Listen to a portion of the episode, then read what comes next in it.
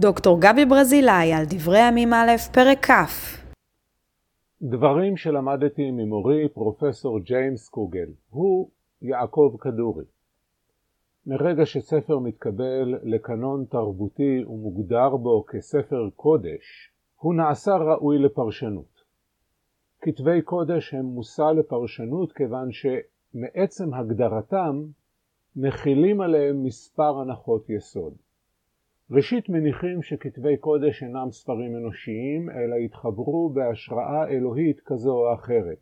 ומהנחת יסוד ראשונה זו נובע גם שהם מושלמים ומשוללי סתירות, שהם עמוקים ורבי רבדים, ושהמסרים שבהם רלוונטיים בכל עת ובכל מקום. ומה אם לא? מה אם מתגלות סתירות? מה אם המסר שבהם נראה שטחי ופרשני? מה אם איננו מוצאים בהם כל רלוונטיות לחיינו שלנו? אם כך, אז פרשנות.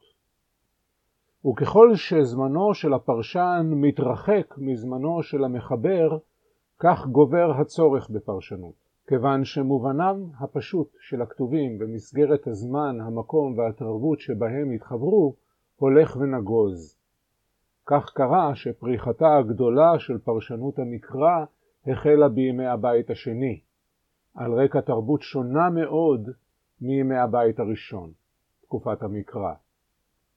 לפרשנות שבספר דברי הימים, פרשנות פנים-מקראית, יש מספר מאפיינים, ששניים מהם בולטים בפרק שלפנינו.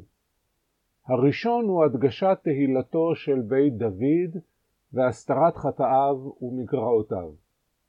כך מורכב הפסוק הראשון בפרקנו משני חלקי פסוקים שהועברו מספר שמואל ב'. ראשיתו, ויהי לתשובת השנה לעת צאת המלכים, וישלח דוד את יואב ואת אנשיו עמו ואת כל ישראל, וישחיתו את בני עמון ויצורו על רבה, ודוד יושב בירושלים. פותח את פרק י"א בשמואל ב'. אחריתו היא פרפרזה על הפסוק וילחם יואב ברבת בני עמון וילכוד את עיר המלוכה המופיע בסוף פרק י"ב בספר שמואל ב'. בין שני חלקי הפסוק בדברי הימים משתרע בספר שמואל הסיפור העצוב על אונס בת שבע, רצח אוריה, משל כבשת הרש ותחילת עונשו של דוד.